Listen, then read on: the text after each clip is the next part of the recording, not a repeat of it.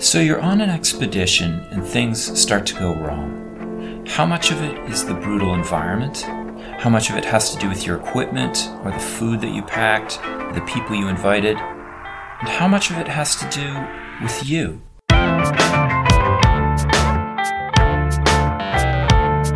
It's time to eat the dogs. I'm Michael Robinson.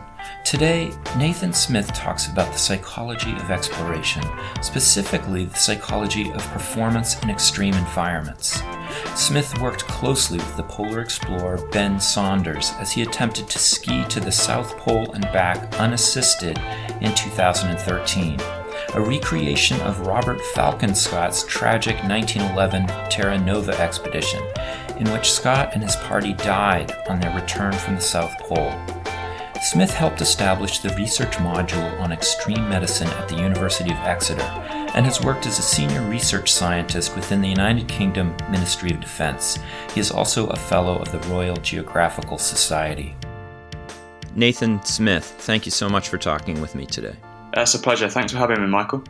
So, uh, you worked with Ben Saunders, the polar explorer, on his 2013 reenactment expedition of the Scott expedition. I was wondering if you could talk about the goals of that expedition, and then I'm going to ask you a bit about your role. Yeah, so um, I was fortunate enough, I just popped Ben a kind of an email out of the blue, really, with an interest in trying to do some psychological research with him at the time he was doing or preparing to do an expedition to the South Pole called the Scott Expedition. That expedition was actually aiming to retrace Captain Robert Falcon Scott's footsteps. So, trek, um, skiing to the South Pole, uh, getting to the pole, and then turning around and skiing all the way back to the coast of Antarctica, and in the process, finishing a journey that had never been done before. Mm-hmm from a kind of extreme environment point of view, it was very interesting. It was something completely novel and unique. From a psychological point of view, again, you know, this is a goal that's not been done ever. So it was a kind of world record, which was was intriguing to me, and was probably my first study really in extreme environments. The focus, the focus, there was kind of two things we were looking at. So we were interested in the coping strategies that Ben used on the expedition, uh-huh. as well as what happened when he got back. So that kind of post expedition adjustment.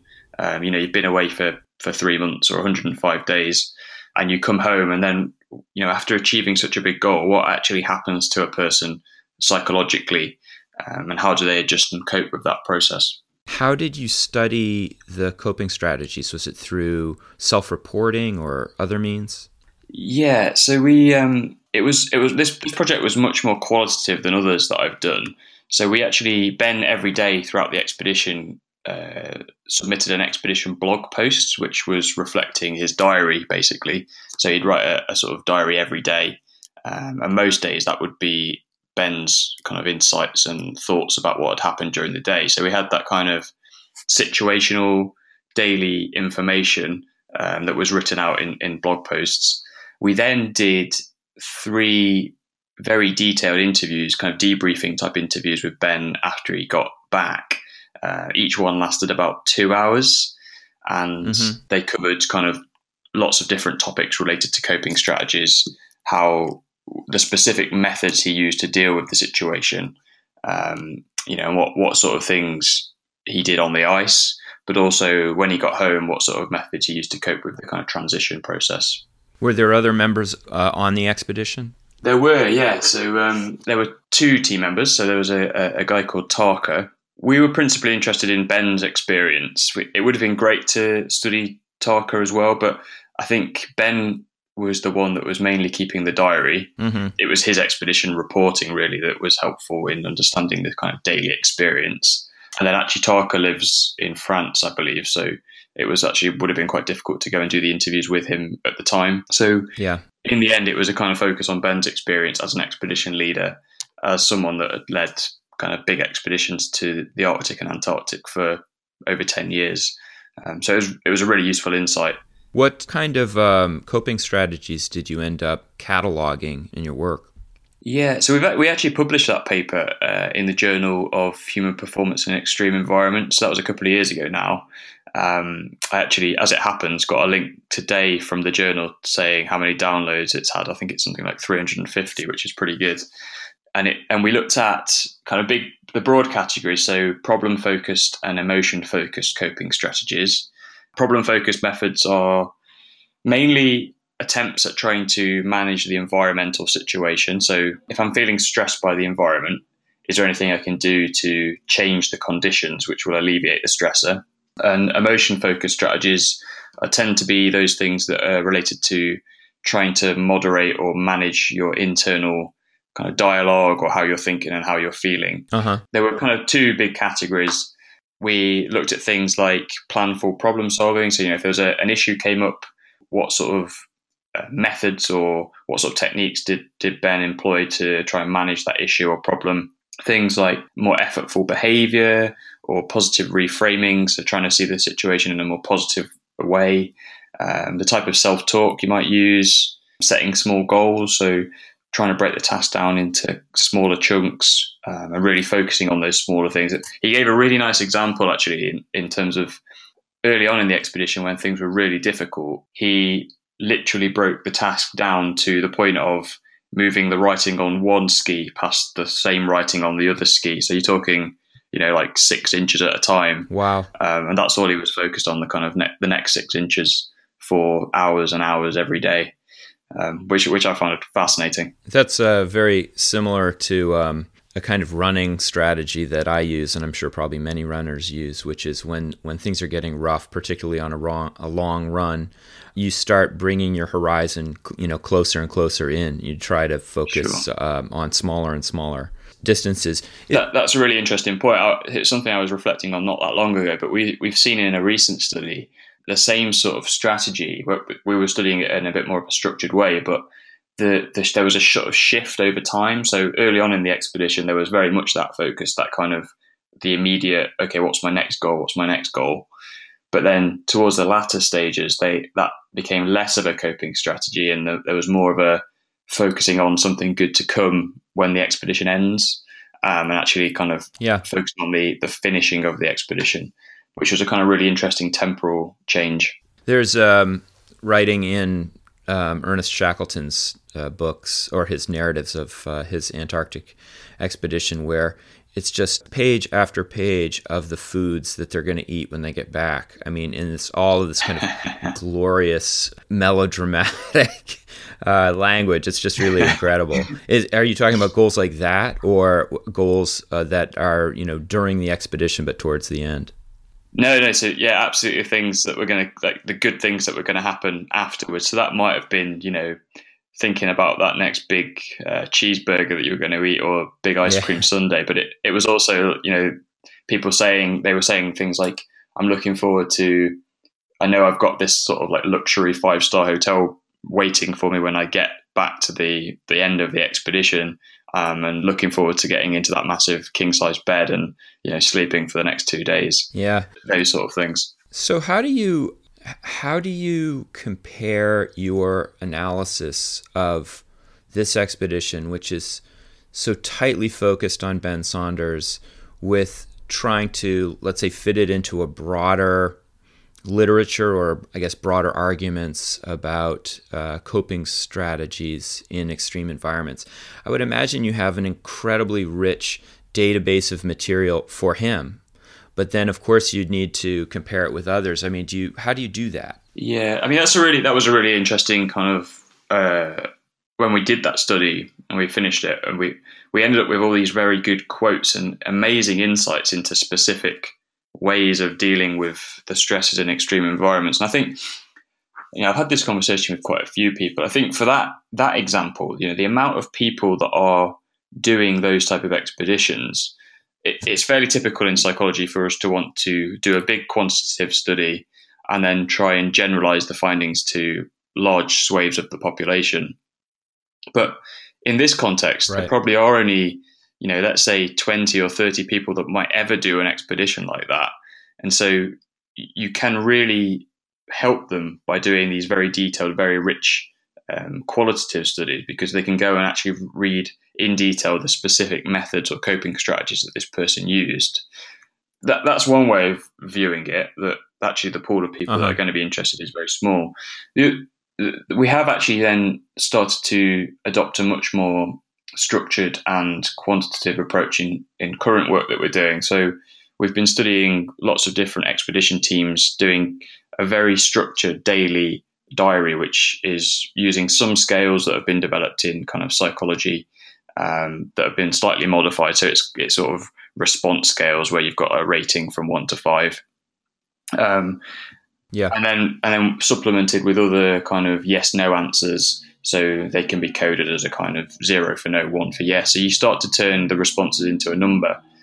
The, the beauty of doing it with all these expedition groups that we're studying, but in this structured way, is that we can start then comparing the experience they have in different environments.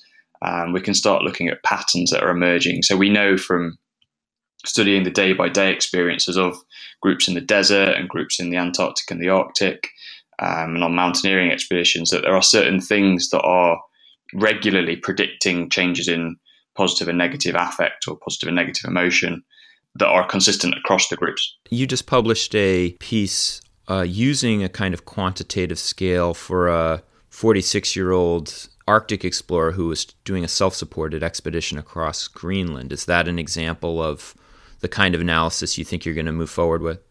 Yeah, so that, that was one study that we looked at um, that that study actually we, we were looking at emotion specifically um, and the daily fluctuations in positive and negative emotion. And we were also trying to see whether uh, we could match those kind of self-reported emotions with like a linguistic analysis. So at the end of each day, that person did a video diary, which was transcribed, and then the language that the person was using in the, the sort of short daily diaries was compared. It would put through a linguistic software to create an emotion score, and those emotion scores were compared with the person's own self-reporting.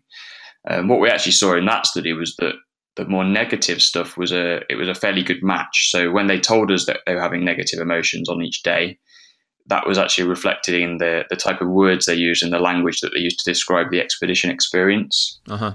In other work we've been doing, so we've just published another article with a group that spent 49 days in the empty quarter desert um, and in that study, we've actually it was more of a it was a monitoring form, which was a self-report log that they did at the end of each day. And in that, it had all sorts of things to do with the events that were experienced on the day, the coping strategies that were used, um, and then the the emotional response. Um, and we were kind of matching up, looking at whether there was sort of daily predictors of change in emotion um, which we did. We found some interesting stuff. You know, it makes me think that, well, I've been thinking as I look at these studies that you're publishing, how intimate really they are. I mean, you're working with individual people who are describing their psychological states of mind. They're on expeditions with other people. And unlike so many other, let's say, human subjects testing, where you try to anonymize uh, who you're dealing with or protect them from any work. This is like right out in the open. And it, it reminded me a bit of a new podcast uh, that I think Gimlet has put out called The Habitat, uh, narrated by terrific uh, journalist Lynn Levy. And she, in it, she basically chronicles this group. I think it's six people who, I think it's a NASA funded uh, expedition. They go to the top of a volcano in Hawaii and they spend a year together in a closed habitat. And you know, it's it's like I'm sure they had to sign off on this, but you know, in the course of reporting it, you you you learn all of these deeply personal things about the subjects and you know, some of them end up not coming out looking that great. So I was wondering if you could just talk a little bit about the challenges of working with people who know they're going to, going to be uh, their lives are going to be an intimate part of your published work. Yeah, it is a huge challenge, and it's something that when I started doing research in this area, I think I underestimated to some extent. You know, as a fairly neophyte or new new researcher, really. So I was still learning um, about doing research and all the, you know, lots of the ethical issues around doing small group research or case study research. And I, and I think we've we tried to strike the balance between being very upfront with people. So, like in the Ben Saunders project, for instance, we spent a lot of time studying the American Psychological Association guidelines for how you do this type of work, and it got to the point where you know it's not it's not possible to maintain the anonymity um, with some of these expeditions because you know there are if if it is a world first or it's a it's something so unique that as soon as you start writing about it you can't change all the details to hide what it is. Um, so people are going to know who the individuals are. I think in that instance with the Ben Saunders project, we we actually asked him for consent to be open and share the information that we had, and he was he was very honest in his answers and was kind of comfortable for us to share some very deep kind of personal things. In in some of the expedition teams, even though it'll be possible to identify what expedition team we're studying and the expedition that they've just completed, we do make every effort to anonymize to the point where it's not possible to pinpoint exactly who the people are. Yeah, um, and I think I think that's important from a you know from an ethical point of view. So we provide information on their kind of the psychological characteristics that they've given us, but you won't be able to read the paper and actually go, oh yeah, person A is so and so, or person D is so and so. So we we do try and maintain that um, if we can.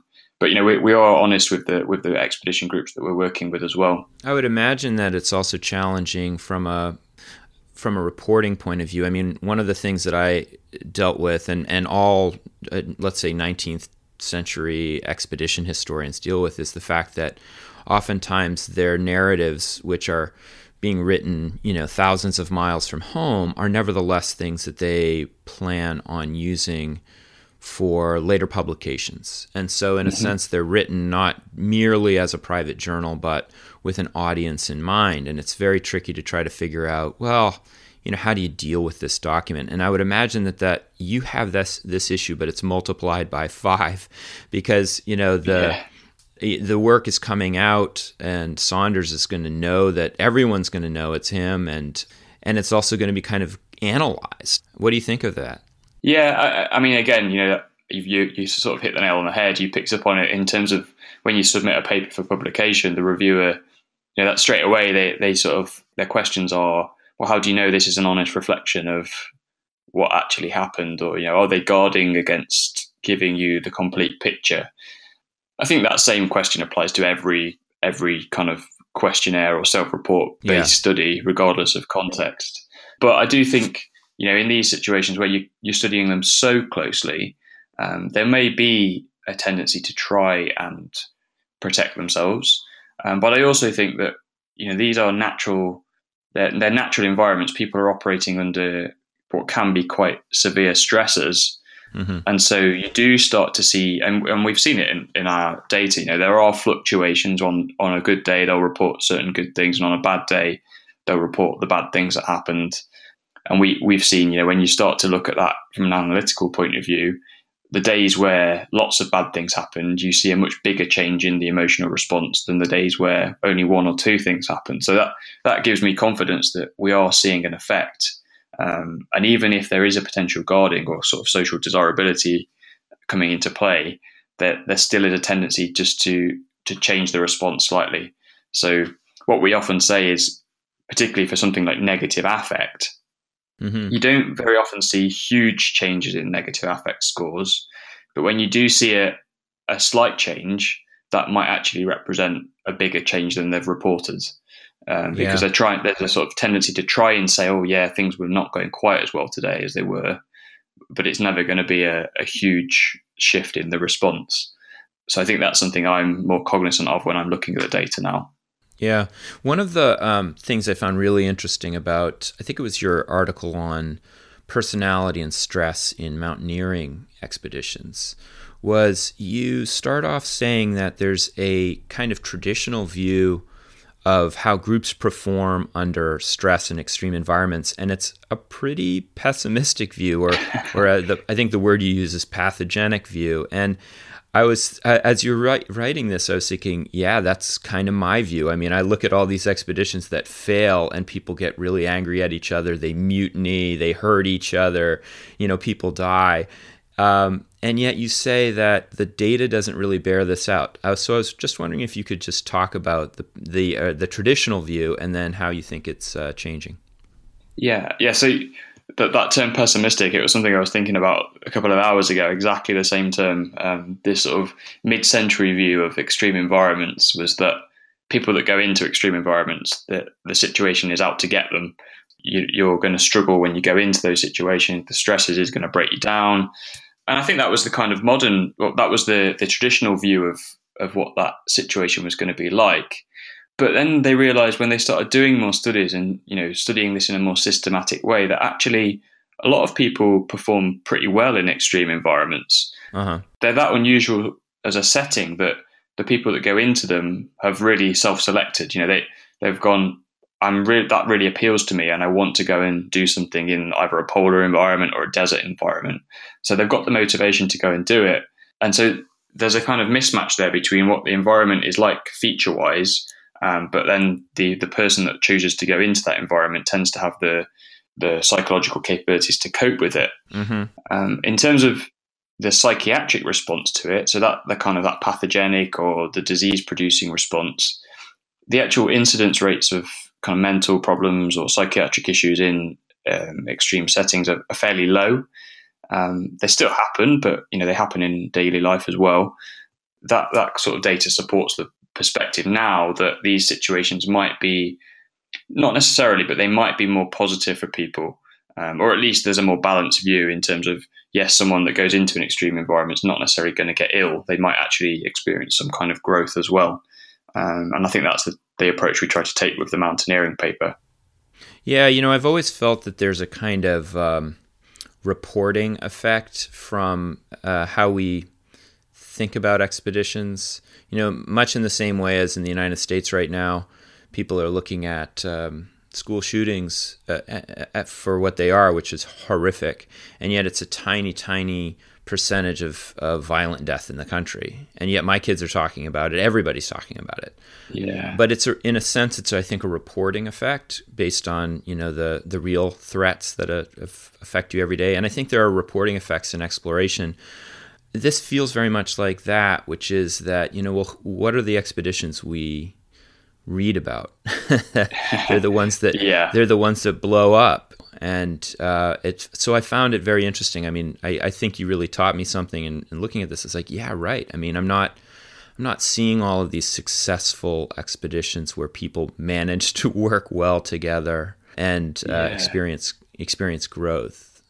And I think, I think you know, I guess you know, I'm, I'm preaching to the converted here, but a lot of these early expeditions, you know, particularly in the heroic age, the end of the, the 19th and into the early 20th century, that started a kind of legacy of how we talk about expedition um, endeavors. And it was born out of really trying to sell the expedition. You know, you got to raise cash to do it. It costs mm. a lot of money. You need to you need to tell a hero's tale. Um, you need to be able to say, "Oh, this was really hard." And there was lots of things that were trying to get us, and you know, there were lots of risks and all this adventure and um, you know dynamic risky environments that we're operating in but then we came out of the other side really well. Yeah. And i think that that feeds into this view. You know it's this kind of telling the story of it being a, a dangerous thing. And i think people latch onto that and and that's where it kind of started from. But then you know the more and more we people go and do work in these settings actually like you say that 95% of them you'll never really hear about because things just went smoothly and they, they carried on as they, they do I want to uh, get back to something that you were talking about earlier, which is that, you know, in addition to the, the stressors of mountaineering expeditions or the general success of people under extreme environment, there's also this factor of human personality. I was wondering how do you measure personality um, as a kind of psychological construct and what are those the components of it that you've identified as being important on these in these extreme environments? Sure. So i mean the typical way of measuring personality that the kind of accepted way is using psychometric questionnaires. Uh-huh. so they are self-report scales that people respond to. So the, the things like the big five inventory the neo five factor inventory or the personality characteristics inventory they give you they're usually fairly extensive. They've got lots of questions in. Um, people respond to them, and then when you analyze them, you group the answers into categories that reflect a kind of dispositional trait. Mm-hmm. You know, the ones ones that we've seen are really important for extreme environments. So things like agreeableness, so the ability to it's interpersonal capacity or the ability to work well with other people. That's thought to be important for small groups working in extreme settings. You know, if they're interdependent and they're reliant on each other. It's also, you know, we found it important for the post expedition growth. So being able to tell your story and narrate it in a way that allows you to realize the benefits um, relies on good agreeableness, you know, high levels of agreeableness. Mm-hmm. So there's, there's, things like that. Um, there's also in the space literature that the kind of the right stuff profile. It's a famous book actually, the right stuff. It was written by Tom Wolfe, um, and it focuses on the Mercury era astronauts. Actually, the modern day interpretation of the right stuff is very different to what was included in Wolfe's book. You know that that really focused on those high achieving, quite dogmatic fighter pilots. Whereas nowadays, the, the, the right stuff profile is something a bit different, and it's really focused on positive expressivity. So again, similar to agreeableness, being able to work with other people, having this positive instrumentality. So having goal directed or achievement focused behavior, but it's not in a competitive way. So it's wanting to master and get get tasks completed but that could be by cooperating, not necessarily by competing with people. And then things like low verbal aggressiveness. So you're not easily um, irritated and you don't offset that onto other people via the language you use. They all seem to be important for selecting people, for training people, um, and for operating in kind of the extremes of space. You know, I'm wondering, uh, listening to you talk about this kind of evolution of the traits that we think are good for uh, expedition members. It makes me think a little bit of the evolution of heroes. You know, Scott and uh, Robert Peary were these polar heroes of their day. And at least in Peary's case, uh, represented himself as this total autocrat um, out in the Arctic, and that um, his uh, expedition members and the Inuit uh, people that were assisting him were cogs in the machine. And how that's changed so much where now we don't revere revere them we revere Shackleton the guy who in fact never made it to the Antarctic continent but managed somehow to like fold all these different personalities together mesh them and then get out alive yeah I think I think it's interesting you know that way that um, heroes are packaged up I always remember a debate, you know, between the Scott and Shackleton, uh, who's who was better out of the two. Um, and I think Robert Falcon Scott came in for quite a lot of criticism not that long ago. Yeah. and you think, well, you know, where's that where's that kind of come from? This this person went and did this amazing thing. They, they, they might have made a mistake every now and then, which most of the time you get away with, but it was unfortunate that it, it really uh, resulted in a catastrophe for them. So that, that kind of shifting perception of who's a hero and who's not, I think, will will shift over time. I think the leadership thing is an interesting point of view.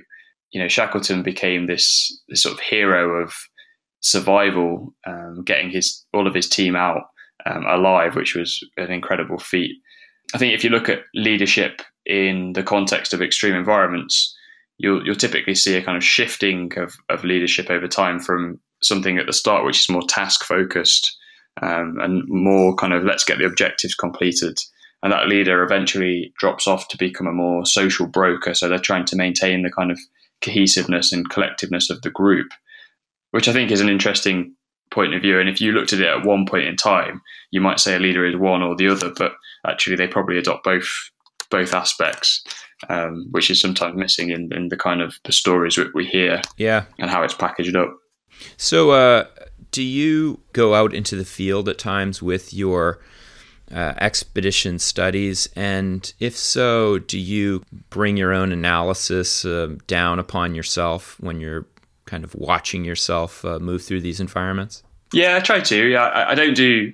You know, I, would be the first one to say I've not done anything particularly extreme um, to the extent of the groups that I've been studying. I, I'm, I'm a I'm more of an observer, I suppose, than a, necessarily a, a doer of, of the kind of the super extreme stuff. But I do go out. I've I, managed to go down to Antarctica uh, a couple of years ago, and I've done a few trips in Iceland and Norway, slightly shorter. So I do go out and, and try and think about how like the methods might work when I'm out in the field, or observe observe groups mm-hmm. um, and observe how people react and respond to to certain environments. And I'd quite like to do a bit more of that if I can. It's just I guess finding the time to to go and do it. I've got a a fascination with the, the, desert and the Middle East. So hopefully, at some point in the uh, the not too distant future, I'll be able to make a trip. I'd like to go to the Empty Quarter and, and see some of that that part of the world, and maybe maybe put into practice some of the uh, the research. Why are those landscapes fascinating for you? I think, I mean, I think reading Wilfred Thesiger's stories about traveling through those areas, that for me, you know, I, am interested in the polar regions. I, you know, I enjoy the Scott and Shackleton stories, but I, I really like the kind of those stories from from the desert environments with the the Bedouins and the sort of nomads moving through those environments. Having done some research with groups in those settings as well, you know, hearing them talk about what it was like and the stories that that's really interesting to me. I, I think I'm also I, I, do like the cultural side of of that sort of travel, um, and so being able to combine, you know, you don't you don't get much socialization in the Arctic or Antarctic, but being able to combine a trip to somewhere like that with some cultural stuff as well would be uh, interesting to me. Well, Nathan Smith, thank you so much for talking with me today. It's been great. Uh, thank you very much for having me, Michael. I hope that's been interesting for your, your listeners. That's it for today. For links to Nathan Smith's work, check out the Time to Eat the Dogs website and Twitter page, where you can also find other episodes and a lot of exploration related stuff. Thanks to Sabrat, the Canadian band that composes the music for the show. And if you want to get in touch or recommend a guest or make a comment, feel free to contact me at time to eat the dogs. That's one word, lowercase, at gmail.com. See you next week.